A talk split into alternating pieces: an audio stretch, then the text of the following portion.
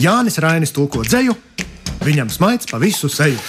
Cienījamie lasītāji, Etīdes par literatūru. tulkojumi, analīze, pārunas, lasījumi, viss ļoti daudz burtu. Kopā ar dzinieku Tomu Trēbergu. ar dzinieku Tomu Trēbergu. Paga un rakstnieku Svenu Kusminu. Trešdienās 15.35. LR1. Cienījamie lasītāji, es ceru, ka jūs esat pieslēgušies Latvijas radio frekvencei un šobrīd klausāties raidījumu par literatūru. Kuru vadām mēs, Toms Trēbergs un tas otrs. Jā, tas tur abi ar brillēm, bet nu, katrs tomēr dažādāki. Katrs savā veidā. Mūsu šī raidījuma cēliena grāmatu kurators ir dzēnieks un tulkotājs, arī literatūras zinātnieks, arī redaktors, arī muzeja speciālists Māris Salējs. un Mēs sāksim ar viņa grāmatu, kuru arī viņš pats nepakautrējās piedāvāt kā vienu no apskatāmajām, uh, apskatāmiem izdevumiem mūsu raidījumā. Viņa debijas krājumu māmiņu es redzēju dziesmu. Viņš nepakautrējās mums grāmatu piedāvāt, bet viņš bija ārkārtīgi pieticīgs par šo grāmatu. Un, tā mazliet, nu, tā, nu, nu, tas jau nav nopietni, zini, ar tādu ļoti viegli paškritisku attieksmi. Jā, jā, ka raksta tādus šādus tādus dzējolīšus un viss kaut kā tā. It kā kaut kur pa sānu un nenozīmīgi. Jā, bet patiesībā, kā ir patiesībā? Patiesībā jau tas nemaz nav tik ļoti gar sānu un nemaz nav tik no, ļoti nenozīmīgi. Jā, e, nu, ir ļoti ātri sākt ar analoģijām raidījuma, es nezinu, otrajā vai trešajā minūtē. Ak, bet ko, nu? sāksim tagad. Jā, kas ir tur? Kas ir tur, ko niekot? man liekas, ka tas ir līdzīgi kā simfoniskajā orķestrī, kurā ir daži instrumenti, kuriem ir tā surdinātā, klusinātā loma. Tu domā, trīs stūri? Nē, ne, trīs stūris jau redz, ir akcents. Viņš jau ir spalks. Tu jau viņu dzirdēsi, bet, nu, piemēram, nu, kaut kāda pūšama instrumenta, kur ir uh, tonāli zemāki un, un, un kuri nu, veido šo uh, kopskaņu, matēto fonu. Un man liekas, ka arī Mārcis Kalēja poetika ir tāds, uh, tāda bieza sūna, kura ir kaut kam fonā. Un tad mēs, protams, varam iztēloties tur kaut kādus trakākus un spilgtākus autorus, kuri nāk ar tādu bezmaz komiksu, bang, pow, Bang, pow, Ching. jā. Sound effects. un kaut ko tādu, un, un ir, ir krāšņi un, un, un, un provokatīvi un, un, un, un tam līdzīgi. Bet Māris ir, jā, viņš ir surdināts. Jā. Surdināts, cik skaists vārds. Laikam viena no pirmajām lietām, kas manī māra dzējā aizķēra, ne tikai tagad, bet arī diezgan sen, kad uh, šī grāmatiņa vēl tikai iznāca, viņā ir kaut kāds tāds. Es nezinu, tāds mīlums, tāds siltums, tāds. Viņā nav tā gigantiskā eksistenciālā sloga vai tā skumju bezdibeņa, kas ļoti bieži iezīmē nu, da daudzu autoru galveno virzienu, arī skatoties uz tiem, ko mēs esam pēdējā laikā aplūkojuši. Ja? Vismaz tādā pirmā iespēja līmenī viņš ir tāds. Nu, tāds nomierinošs kaut kādā ziņā. Kaut vai pašā nosaukumā ir nevis māte, bet māmiņa. Ja? Nevis nāk dārzā pati māte, bet māmiņa un dziesmiņa un viss ir tā. Nu, Bet- dziesma. Bet, nu, dzie- tik un tā. dziesma, bet, bet- bet, bet- bet, bet, bet, ja nu, arī jau māmiņa, arī dziesma kļūst par dziesmu. Es Nu, tev tu- piekrītu. tur tā lieta, jā. Tā- Tam nav jābūt gramatiski uzrakstītam. Man tieši tā, jā, tas ir drīzāk tajā kopējā noskaņā nojaušams. Bet tajā pašā laikā, kad tu paskaties aiz tās uh, dziesmiņu un māmiņu zonas, tad tur jau patiesībā sākas arī tie bezdibeņi. Tu saproti, ka tu patiesībā esi ļoti, ļoti tuvu tā bezdibeņa malai. Un uh, drusciņš, drusciņš, un tu vari pat nošļūkt no tā bezdibeņa, tur tajās dzelmēs. Viņam pat ir viens dzējos šajā krājumā, laikam tur bija telts bezdibeņa malā vai kaut kas tāds. Cienījamie lasītāji, neceliet telti bezdibeņa malā. Nu, jā, vai arī, ja jums ir tīkls, tad varat mēģināt, bet nu, tur jāskatās. Vēl viena interesanta iezīme, kas ar šo krājumu ir saistāma, ir arī tāds kultūrvēturiskais sagums, proti, grāmatiņa ir izdota 1999. gadā izdevniecībā Enigma, kura savu darbību nu, jau krietni laiku ir noslēgusi. Vismaz es tā domāju. Bet kas ir interesanti, ka šī grāmata ir izdota ar Kultūra Kapitāla fonda atbalstu, un tā ir viena no pirmajām grāmatām, kas ir vispār iznākusi ar KKF atbalstu, jo, jo arī šajā gadā, nu, tieši šajā posmā, Kultūra Kapitāla fonds vispār tiek nodibināts. Tā, tā arī ir tāda. Nu, interesanta sociāla zīme, tāds mazs karodziņš, ka Mārcis ir viens no nu, tādiem pionieriem, kurš ir ielauzies kultūra kapitāla projektu pirmsākumos. Nu, klausies, bet tad taču tai grāmatai ir jāstāv bez maz vai ierāmētājais stikla kultūra kapitāla birojā uz kāda samta paliktnīša. Jo vairāk tādēļ, ka šī grāmata, kā pats Māris izteicās, jau kļūst par bibliogrāfisku retumu. Es domāju, viņi jau tagad tāda ir. Jā, jo vairāk šīs grāmatas eksemplāru nekļūst laika gaitā. Un tas nosaukums izdevniecībai ir ļoti labs enigma. Es, nu, arī grupa tāda bija kādreiz, kā mēs atceramies. Jā, jā, jā. Cienījamie lasītāji, esam devuši tādu uvertīru Māra Salēja pirmajam dzīslu krājumam, kopumā viņam tie ir pieci. Un, nu, tad, tad paklausīsimies, un varbūt ļoti ierasti, varbūt ļoti klasiski, bet nu, sāksim ar titulu dzējoli. Kāpēc tad ne?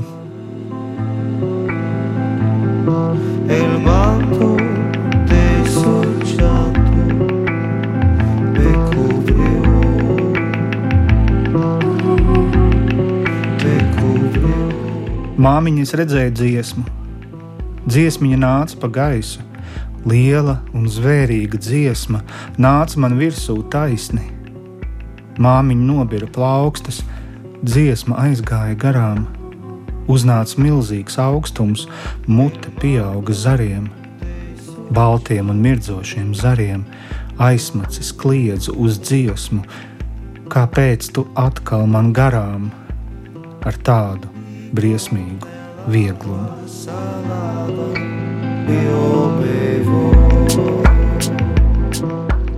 Ziemas vakara elēģija.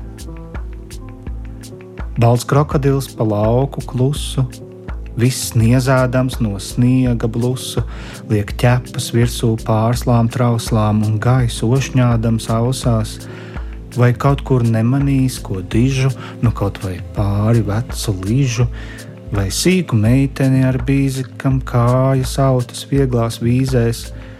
Viņš pieiet un paprasītu, vai nevar padot labu rītu, jo pārāk daudz šeit snidzis krīta, kur vasarā reiz puķa spīta tā ka viņa nesaprastu viņu, bet atcerētos pasaciņu par vilku un par avitiņu un dotu savām kājām ziņu.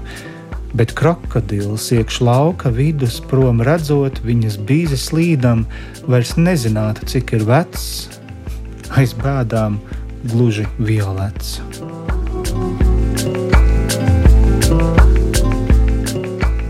Miruša karavīra dziesmiņa noliecies pār mani, tagad es nekas. Pāri zāle uzauga arī tas nekas. Tagad viss ir parasts, žilbinošs un liekas.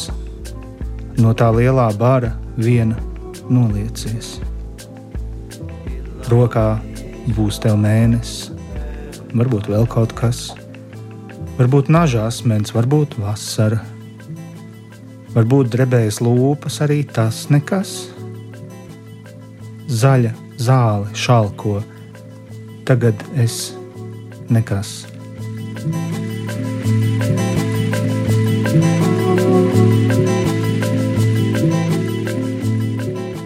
Klausies, kā tas vispār ir redzēt dziesmu? Kā tu iztēlojies dziesmas ieraudzīšanu? Nu, manuprāt, tikai dabā. Nu, citur, citur jau nekur. Nu, ne jau partitūrā, tas būtu pārāk. Nu, tas prasa nu, es neesmu komponists. Jā. Liela, jā. Ne, nu, Var jau, protams, arī paskatīties uz kādu partitūru un iztēloties, oh, skaidrs, šis nošu pieraksts ir tā mana mīļā kompozīcija, ko es tik daudz esmu klausījies. Ak, tad šāda viņa izskatās. Bet nu, tas nav, nu, tas ir tā tehniski. Manuprāt, ka tikai dabā tu vari dziesmu ieraudzīt. Bet viņa jau kaut kādā ziņā ir slēpta. Nu, tu vari viņu sadzirdēt, tu vari viņu sajust kaut kādu citu maņu līmenī, bet tieši ar acīm, tieši redzes eh, veidā. Tas, tas, tas ir interesanti. Nu, jā. Es laikam vienreiz redzēju, pat ne vienreiz, vairāk kārt es redzēju dziesmu ostā, kad naktī pārkrāmēja kuģus. Un tā bija tik skaista industriāla simfonija. Tu vari iedomāties, vai ne ar tām garajām atbalsīm un to visu. Un viņa bija tāda dobja un piepildoša, bet nu, tā kā tā ir mehāniska darbība, tad viņā, protams, ir arī ritms. Tāds beats, vai ne? Un uh, tad varēja sēdēt un skatīties māmiņu. Lasītāji, kamats cienījamie, šodien mēs lasām Māra Salēja dzējas krājumu māmiņu, es redzēju dziesmu. Un viena tēma, ko es gribēju tev pajautāt, kā tu uz to raugies, ir diminutīvi, kas ne tikai krājuma nosaukumā, bet viņi diezgan nu, ir tāds caurvīja elements vairākos no māra tekstiem, lai arī varbūt es ļoti labticīgi sekoju vismaz tam, ko es pats iedomājos, kā dzēnieks vēlējās atainot tās ainas, tos notikumus, izmantojot uh, šīs pamazināmās formas, bet nu, kaut kur jau nedaudz būt. Tas likās. Um, par daudz. Kā, kā tev bija ar, ar, ar šīm mazajām formiņām, ar tiem ķupiķīšiem? Es viņus pamanīju, es viņus pamanīju, bet es viņus kaut kā uztvēru kā daļu no tās emocionālās kompozīcijas, ja tā var teikt. Nu, līdzīgi kā es tur sākumā jau pieminējos, ka aiz tiem mazajiem ķupiķīšiem un, un, un krikumiņiem pēkšņi ir kaut kas tāds, nu, tā kā tā dziesma, ko mēs lūk nodēvējām par dziesmiņu, a viņa patiesībā ir zvērīga un liela, un patiesībā viņa samīdīs tevi, un vispār viss ir pa galam un briesmīgi. Un uh, tas ir tāds ļoti liels kontrasts līdz ar to, ka tur ir nu, no vienas puses tāda kaut kāda piemīlība un, un, un tāds tāds naivumiņš brīžiem, bet tad kaut kas to naivumiņu pārāja pušu.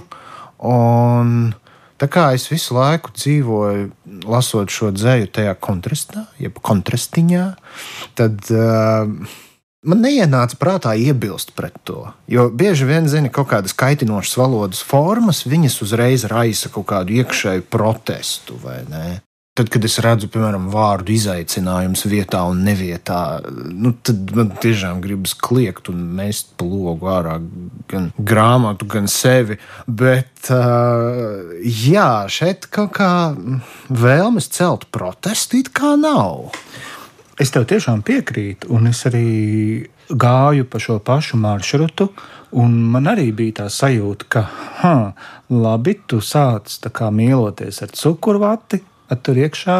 Hmm, žilete. No, nu, lūk, lūk, lūk, Bet reizēm man bija sajūta, ka redzi, tur ir tikai tāds cukurvats, un tās žiletes nav. Aha, nu, nu, tas ziņā, tā, jā. nu, tā epizodiski. nu, nevienmēr, bet nu, kaut kādos brīžos, jā. kad tā mīlinā, nu nevis mīlināmā, bet tā maigā izteiksme viņa neaiziet ar to apvērsumu vai to kūliņu. Mm. Un varbūt, ka viņai īstenībā arī ne, nav jāaiziet, un, un tas nav noteikums. Bet tad no otras puses, kāpēc es palieku varbūt tāds ar to šķērmumu sajūtu? Tāpēc, ka man varbūt nav pateikts nekas jauns. Varbūt, mm. varbūt tādā mm. ziņā mm. tikai. Mm. Nu, zini, kas vēl ir? Literatūra jau arī nekad nav tāda gluži autonoma. Viņa tomēr pastāv kaut kādā plašākā kontekstā, bet to kontekstu veido tu, jo katrs jau lasa dažādu grāmatu kopumu dažādos periodos. Līdz ar to tas, ko tu izlasi tagad, šodien, viņš tiek nostādīts pret to, ko tu lasīji vakar un aizvakar. Un, ja tu saki par cukurvātu un žileti, man droši vien zini, kas nostrādāja, ka es pirms tam pēdējo, pēdējās nedēļas biju lasījis tādas lietas, kurās pārsvarā ir tikai žileti. Ah. Man liekas, ka es esmu pēdējā laikā lasījis tādas lietas, kur ir rupi maize. ah, okay. pat ne cukurvātu, pat ne žileti, bet tāda rupi maize. Jā, zini, es kaut kā barojos, protams. ja mēs turpinām par pārtikas analoģijām, tad es kaut kad nepārāk sen uzzināju, ka eksistē arī tāda kategorija kā komfortēdiens. Kas man liekas, ārkārtīgi mīļi. Es gribētu, Jā, McDonald's ir salāti, piemēram. Es gribētu kādu komfortēdienu. Nu, tad š, šī grāmata man ir tāda komforta dzēja kaut kādā ziņā. Un tad es varētu palasīt komforta dzēju tagad. Nu, ko, es domāju, tas ir ļoti leģendārs notikums mūsu raidījuma vēsturē, jo Mēs esam lasījuši dažādu valstu, dažādu autoru dzēju, bet, nu, laikam, pirmā reize tiešām cienījamie lasītāji klausīsimies Māris Salējas un Svena Kusmina izvēlētā komforta dzēja.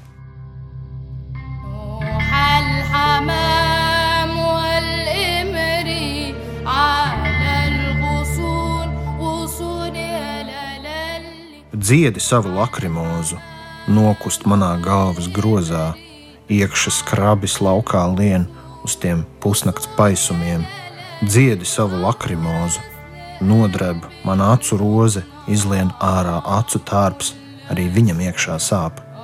Dziedi savu lakrimozu, vēl jau mana krūša kode, ribu vidū saldi snauž, pamodiņi, lai te grauž, pirms no manas krūšu ejas pabāž dvēselīti seju.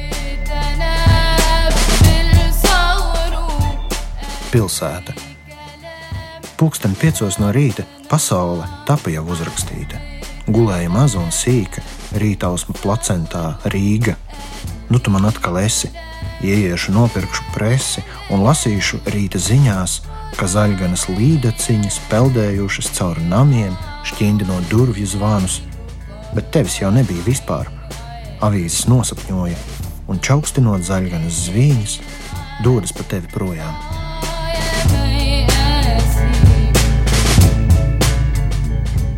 Es tev zem tām četrām teikšu, viss šeit miljardu vīriņu beigts, lampiņas un arī sveci dedzināt ir jāizbeidz. Jāmet tumsā visa manta, arī panti, arī panti, viss, kas slikts un viss, kas labs. Varbūt tas mūs vismaz glābs. Miljardu vīriņš skatās lāga, neticēdams it nemaz. Sveci viņa rokā rāda, dzīvot atlicis nav maz. Dzīvot atlicis ir milzums, dzīvot atlicis tik daudz, mūžs aplieso dakti milzdams, būs vēl ilgi ciets un augsts.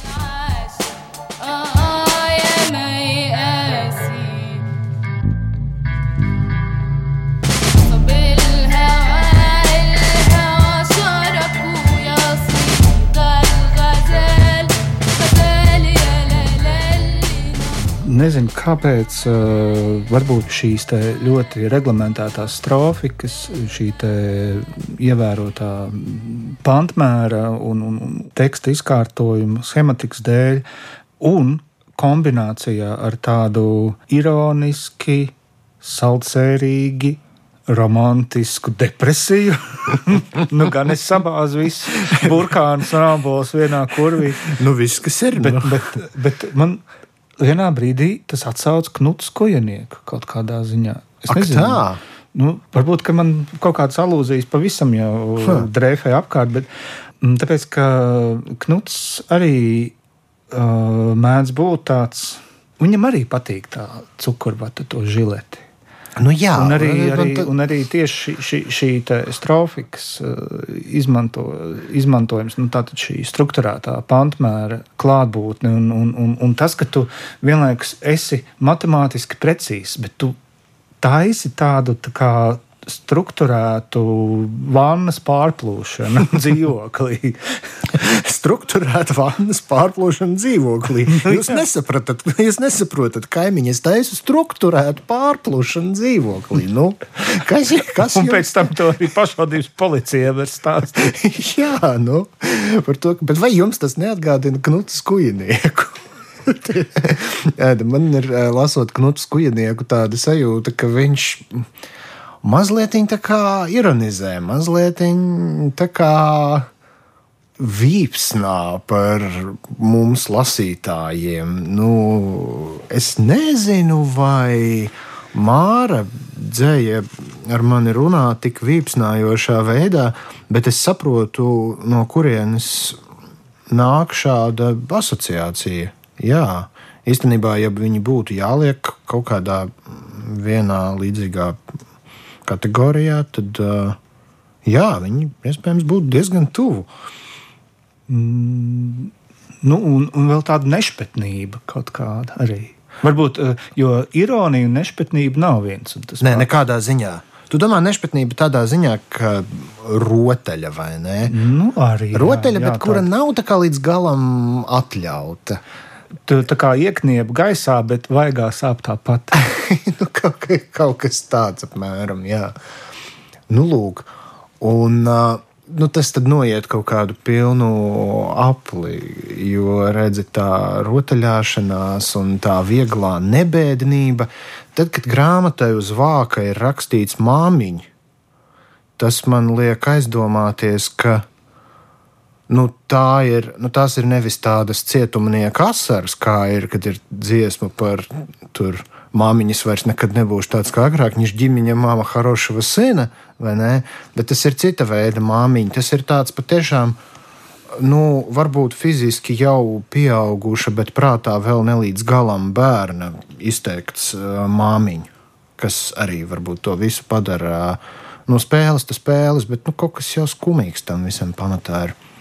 Jā, man taču arī gal galā bija dzējols, kurā bija rindas māmiņa. Manā somā neieiet neviena lieka zapsburka. Tev bija skumji, ka tu rakstīji šo dzējoli. Man bija skumji, kad es viņu klausījos, kad tu man viņu lasīji priekšā. Es nezinu, vai man bija skumji. Es domāju, ka tā ir kaut kāda tā uh, nabas saites pārgriešana droši vien ka tu uh. nosauc kaut ko vārdā, jo arī nu, mums, kā rietumu sabiedrībai, kurā arī teiksim, ticības kontekstā vārdam, jeb nomenam ir milzīga, milzīgs svars, tad tā, tā nosaukšana vārdā viņa kā, nu, tevi atbrīvo. Nu, un tad atbrīvojies, tu dodies lielajā pasaulē, vai ne? Nu jā, jo tu vairs neko neslēpi.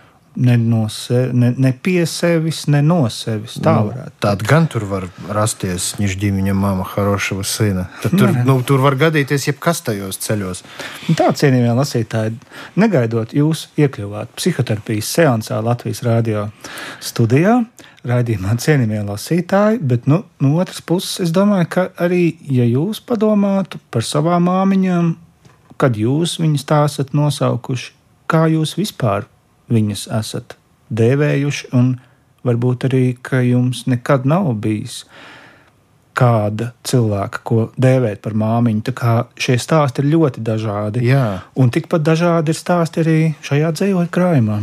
Mm -hmm. Cienījamie lasītāji, Paldies, ka bijāt ar mums. Un, ja jums ir iespēja tikt pie šīs grāmatas, tad uh, varat pārbaudīt, vai tā ir taisnība, ko mēs sakām, vai nav. Bet visādi citādi, paldies jums vēlreiz, un tiekamies jau nākamreiz. Jā, mēs tiešām tiekamies nākamreiz un klausīsimies, ko Māris Salējs savā grāmatu hmm, ķerbelē mums būs sagādājis jau nākamajā reizē. Visu labu! Visu labu! Jānis Rainis tulko dzēju. Viņam smaids pa visu seju. Cienījamie lasītāji, pētītas par literatūru, tulkojumi, analīze, pārunas, lasījumi, viss ļoti daudz burtu kopā ar dzinieku Tomu Trēbergu. Ar dzinieku Tomu Trēbergu. Paga un rakstnieku Svenu Kuzminu. Trešdienās, 15.35. LR1.